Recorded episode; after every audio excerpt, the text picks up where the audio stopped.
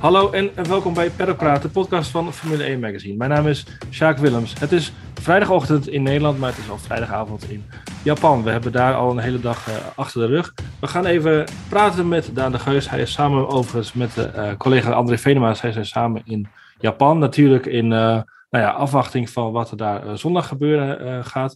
Maar we gaan het even over de vrijdag hebben. Daan, goedenavond. Goedenavond. Goedenavond. Waarschijnlijk wel even, even wennen voor jou met uh, zeven uur tijdsverschil. Ja, en het wordt hier vroeg donker, dus dat is ook wel even wennen, uh, inderdaad. Ja, het weer helpt daar ook niet bij. Laten we daarmee beginnen. Het weer, het weer, het weer in Japan is, het is nat vandaag. En uh, we hebben twee natte sessies achter de rug. Nu wordt er voor morgen een droge dag voorspeld. Dat is op zich gezien hè, de, het, het circuit is dat wel echt heel vet, dat je daar een droge kwalificatie gaan hebben. Maar voor, voor zondag hangt het nog, uh, is het nog een beetje 50-50, hè? Ja, het hangt nog in de lucht, eh, kun je zeggen. Eh, er moet wel regen vallen dan zondag als het goed is. Maar de voorspelling nu is dat het pas na de race is. Dus uh, ja, okay. laten we voor de spanning hopen dat het misschien een uurtje eerder er, dan gepland ja. arriveert. Het zou zomaar kunnen dat de aloude wet, we hebben hem al een tijdje niet gebruikt, maar dat het dan na de race gaat regenen. En op zich hebben ook best veel regenraces gehad, ook al dit, uh, dit jaar. Ja, ja, we werden natuurlijk in Monaco verrast met een flinke bui uh, voor de start, uh, waarvan ook werd gedacht dat hij later kwam. Dus het zou misschien ja. wel mooi zijn als dat hier ook gebeurt. Ja, het is niet jouw eerste keer in, in Japan voor de Grand Prix, maar je ging wel voor het eerst een, een trackwalk doen. En ja, dat deed je ook met een expert. Ik denk wel een, een mooie, nou ja, mooi inzicht in nou ja, hoe speciaal dat circuit is. Ja, zeker. Met Tom Coronel, die hier natuurlijk jaren heeft gereisd op Suzuka, hebben we dat, hebben we dat gedaan. En ja, was een, sowieso een leuke wandeling, want het is een schitterend circuit. Maar ook om ja, zijn inzichten te kijken, was echt, te krijgen, was echt, ja, echt heel leuk. En echt heel inzichtelijk in die zin. Want echt voor elke curb wist hij nog precies uh, waar hij lag. En hij had zijn uh, notities uit zijn Formule Nippon tijd had hij, uh, had hij nog goed bestudeerd voordat hij in het vliegtuig was gestapt. En hij is ook van het circuit eigenlijk niet echt, niet echt veranderd. Er waren alleen naast een aantal curbs lag nu een soort, ja, een soort groene stroken van een soort schuim lag daar. Ja. En hij is ook, ja, in mijn tijd probeerde hij er altijd een beetje het stof op te doen waaien, want dan wist je dat je echt, echt op de limiet reed. En ja, nu kan dat niet overal meer, maar was echt mooi om te zien hoe hij er als coureur uh, naar kijkt en hoe, hoe op het uh, details het aankomt. Ja, het, is voor de fans, uh, voor de luisteraar misschien echt zo'n circuit dat je kent van de, de videospellen, van Gran Turismo of de Formule 1 games. Als je het dan zo in het echt ziet, wat, wat valt je dan op vooral? Ja, dat is een beetje een cliché, maar dat is toch die old school vibe. Weet je, het is echt een baan.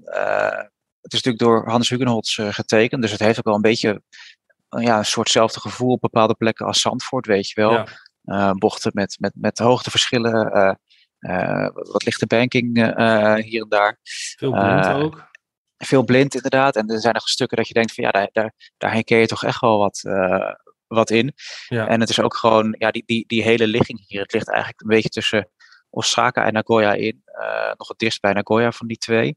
ver weg van de grote steden. Het is echt een soort ja, bedevaarts, bedevaartsoord uh, waar de Japanners die uh, ja, de autosportgoden uh, aanbidden naartoe ja. komen.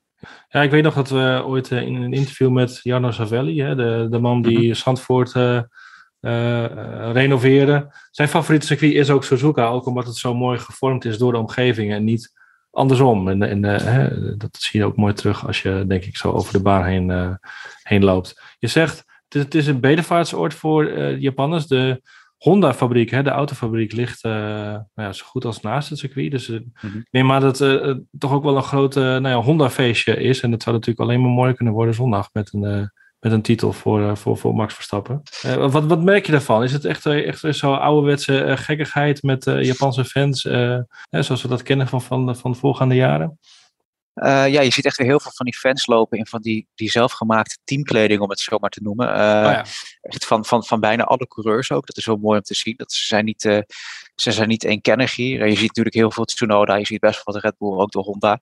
en je ziet ook een beetje de, de, de historie nog terug. Hè. Er lopen veel mensen nog rond in ja, in, in, in kleding of, of, of zelf gefabriceerde items van, van vroeger, van Schumacher uit de Ferrari-tijd, van Schumacher uit de Benetton-tijd. Uh, die, uh, dat is ook echt een publiekstrekker hier, uh, die, ja, meneer vermoed ik, ja. die die hele outfit heeft, inclusief integraal hel. Ik kan me van de fotobank altijd nog herinneren dat Ayrton Senna, zo'n zo iemand in een Ayrton Senna outfit en dan de, de Williams versie, zeg maar. Heb je die ook nog gezien? Nee, nee, die heb ik nog niet gespot. En ik moet ook die mensen nog vinden die eh, een soort eh, voorvleugels op hun mondkapjes eh, hadden, Oh ja. hadden bevestigd. Maar de, de, de petten met de halve Ferraris op en zo, die heb ik al wel voorbij zien komen. Ja, ja. Ehm, wat natuurlijk heel erg boven de markt hangt, nou ja, voor Nederland dan vooral twee dingen. Ten eerste de budgetcap. Nou, woensdag zou daar uitsluitsel over, over komen. Hè, Wie heeft, of hebben er teams de regels overtreden? Dat is natuurlijk de eerste vraag. En wie zijn dat dan? Dat is de tweede. Dat zou dan onder andere Red Bull moeten zijn. Ehm, we krijgen dus nu wel gewoon weer nog een, een weekend vol nou ja, speculeren door, nou ja, vooral de teambazen, denk ik. Er zou maandag dus uitsluitsel eh, moeten komen, inderdaad. Eh, wat op zich natuurlijk raar is, zo'n uitstel van, van vijf dagen. Dat je denkt van ja, wat, wat weet je eh, nu nog niet, dat je dan wel denkt te weten. En sowieso is het natuurlijk een frustrerende zaak. Dat eigenlijk had dit al veel eerder in het jaar allemaal ja, beklonken en rond moeten zijn. En het voelt nu toch als iets wat een, ja, echt weer van die soapachtige proporties eh, aan, eh, aan gaat nemen. Er zijn er ook een aantal teambazen die eh, eerder het vliegtuig eh, gepakt hebben al. Dat zijn eh ja, Mattia Binotto van Ferrari en Toto Wolff van, van Mercedes.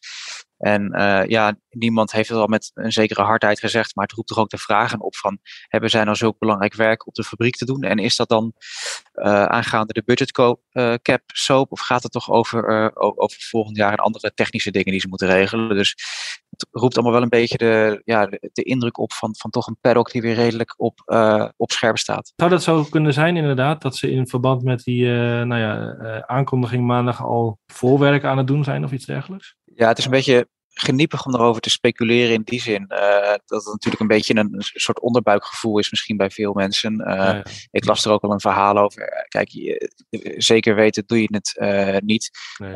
Laat ik dat benadrukken. Maar het frappante is wel is dat je dan het uitstel van vijf dagen hebt. En dat je je toch afvraagt, eh, weet je, al die boeken liggen bij de accountants. eh, eh, die gaan dat allemaal natellen, die zijn het allemaal aan het natellen. Die zouden toch wel een indruk moeten hebben van wie waar staat. Zeker bij Ja. de twee teams omstreden zijn in dit geval. Hè, waarvan gezegd wordt, eh, die hebben de, de cap mogelijk overschreden. Red Bull en, en Aston Martin. Dus dat roept dan toch een beetje die, die suggestie op van dat, dat er weer politiek op de achtergrond eh, speelt. En dat misschien daar wel ja, de focus nu op ligt eh, voor eh, Mercedes en, eh, en Ferrari. Nog iets anders, ik zei twee dingen voor in ieder geval de Nederlandse volger. Nick de Vries hangt ook nog boven de markt, maar dat, dat is toch een soort gedane zaak. Dat is even de, de kanalen op elkaar afstemmen wat betreft Alpine voor Pierre Gasly en dat uh, Alfa Tauri dan meteen ook uh, daarop in kan springen met de Vries. Dat is een beetje wat er algemeen wordt aangenomen. Onze collega André Vedema maakte afgelopen weekend natuurlijk al ja, bekend via een verhaal op onze site dat uh, de Vries naar Alfa Tauri beklonken is en dat hij uh, ja, dit weekend aangekondigd zou moeten worden. En dan ook uh, dat bekend gaat worden dat Gasly naar Alpine gaat. En de aanname is wel dat eerst Gasly naar Alpine bekend wordt gemaakt en dan de Vries naar Alfa Tauri. Um, wat wel een beetje doorcijpelt is dat er inderdaad nog wat dingen afgestemd moeten worden tussen die teams. Op welke manier ze dat allemaal naar, naar, uh, ja, naar buiten willen gaan brengen en in welke volgorde. En, en dat het vooral een beetje om de timing dra dra draait dus in die zin. En dat ja, de beslissingen genomen zijn. Zoals gezegd, er werd ook nog gereden vandaag. Twee natte sessies. Um, als we het even hebben over de titelkansen voor Verstappen dit weekend. Hij, hij moet acht punten meer halen dan uh, Charles Leclerc. Over Leclerc gesproken, die ging niet heel lekker, in de, vooral in de tweede sessie. Hè? Ja, klopt. Hij maakte eigenlijk in allebei de sessies weer uh, ja, toch de soort foutjes die je te vaak van hem ziet. Uh, je vraagt ook af, is dat dan de druk die nu meespeelt hier op, op Suzuka? natuurlijk lastige omstandigheden, maar hij maakte in de eerste training een klein ja, tripje door het grind. En in de tweede training deed hij daar nog een ja, een schepje bovenop en ook nog een schepje grind uh, bovenop. En uh, ja, dat werd toch allemaal de indruk van dat de, ja, de, de foutjes en de onzekerheid die er een beetje in zitten de laatste tijd, dat momentum dat hij tegen heeft, dat hij dat uh, ja, toch niet echt heeft weten te keren. En dat het toch Nee. nog steeds niet in zijn voordeel uh, Ik vind hem ook wel een beetje gelaten ogen eigenlijk onder alles. Van, ja, dat is ook logisch natuurlijk, met Ja. zo'n achterstand. Maar, Ja, een paar races al. Ja, die jongen kan ook rekenen. Hè? ja. Die weet ook wel dat het gewoon een uh, gedane zaak is. Ja. Verstappen zelf was niet helemaal uh, uh, tevreden natuurlijk met hoe het ging vandaag. Maar lijkt zich ook niet enorme zorgen te maken. Hè? Nee, als je naar de tijdenlijsten kijkt, was die zesde en derde. Dat is daar niet uh, mega denderend misschien. Maar het knappe en het indrukwekkende en het, ja, het typische van Verstappen, wat we toch weer zagen, is dat telkens zodra hij naar buiten ging, weet je, uh, dan was het nog nat of de baan was een beetje in zo'n tussenfase dat hij aan het opdrogen was. Hij was gewoon gelijk snel en echt met een straatlengte voorsprong telkens. Het lijkt wel of hij gewoon op commando uh, ja, die snelste tijden uit zijn mouw kan schudden nog steeds. Ook hier op Suzuka weer in de regen. Dus ja, het ziet er wel gewoon weer echt geweldig uh, uh, goed uit wat dat betreft. Ja, en uh, Mercedes pakte dan uiteindelijk de 1 en 2 in die tweede sessie. Die lijken ook wel echt zich thuis te voelen hier. Hè? Ja, dat is een soort vis in het water misschien wel. Uh, maar laten we hopen voor hun dat na de ja, teleurstelling van Singapore, waar ze vooraf veel hadden verwacht, uh, dat ze hier dan toch wat moois uh, kunnen laten zien. Ja. En misschien kunnen zij wel degene zijn die een beetje ja, roet in het WK-feestje van Max Verstappen gaan gooien. Hè? Nou, laten we afsluiten met de twee onhandige momenten van de dag. de eerste was die van Mick Schumacher. Zij staat natuurlijk onder grote druk. Er wordt veel gespeculeerd over mm -hmm. nou ja, zijn stoeltje en wie, wie het dan zou moeten kunnen overnemen. Hij crashte vandaag uh, geen goede beurt. Nee, zeker niet. En uh, Gunther Steiner, de teambaas, die sowieso nooit om een mening verlegen zit, die maakte ook al gelijk duidelijk dat hij er niet blij mee was. Nee. En weet je, Steiner is voor iemand, dat is een echte racer. En die kan er echt wel van genieten als je stoere dingen doet. En als het dan af en toe een, een prijs heeft, dan neemt hij dat voor lief. Dat is ook waarom hij bijvoorbeeld Kevin Magnussen zo, zo hoog heeft, zetten, heeft zitten. Um, maar bij Schumacher nu, dit was gewoon een beetje schrijnend. Oké, okay, hij, hij aquaplaneerde de ogen schrijnend van af, maar dat was, weet je, in, in, in zijn, zijn rondje terug naar de pits aan het eind van de sessie, na een proefstart. Dat is toch uh, ja, eigenlijk gênant. Een beetje uh, amateur, uh, amateur hour eigenlijk. Ja, en Steiner had ook al gezegd van Schumacher heeft, weet je, hij, hij, hij heeft dat zitje. Hij heeft de kans om ons in deze races te overtuigen. Ja. En dan doe je dit, dan gooi je eigenlijk je eigen glazen in. Ja, uh, wat je zegt, hij is toch wel echt heel, uh, ja, in het Engels zeg je dan blunt. Hij zegt het ook gewoon even van. Ja, ja. Echt super onhandig, Mick. ja, nou ja, er zijn teambazen die de dingen nog wel met de mantel der liefde Precies, willen, ja. uh, maar dat is Steiner niet, nee. Ja, de, de, mantel der liefde was niet nodig voor Nicolas Latifi, die is al op, de, op de weg naar de uitgang. Hij had wel een hele opmerkelijk slippertje. Ja, misschien dat Latifi ook even een trackwalk had moeten doen. Want uh, waar je normaal uh, ja, de chicane ingaat, om het zo maar te zeggen, stuurde hij vooraf al ja, behoorlijk naar rechts een soort ja, alternatieve route in. Dus dat was niet helemaal. Ik vond het wel heel grappig dat hij zei dat hij iets vreemds voelde in de auto. Ja, waarschijnlijk dat hij op een ander stuk asfalt stond, wat helemaal niet gebruikt was nog. Ja, ja. Goed, morgen gaan we weer verder. Morgenochtend, de kwalificatie wordt verreden ook weer op tijd. Zet je wekker, want die begint om 8 uur. En de race zondag om 7 uur. Daan, uh, jij gaat weer verder met uh, je weekend daar. Nou, we, zullen zien hoe het, verloopt. En wij melden ons weer maandag met een nieuwe aflevering van Paddock Praat. Sowieso Koen Vergeer daar te gast. Nou ja, met dus mogelijk die tweede titel van Max Verstappen die we dan gaan bespreken.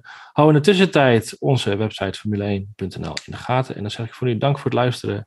En tot de volgende. Paddock Praat.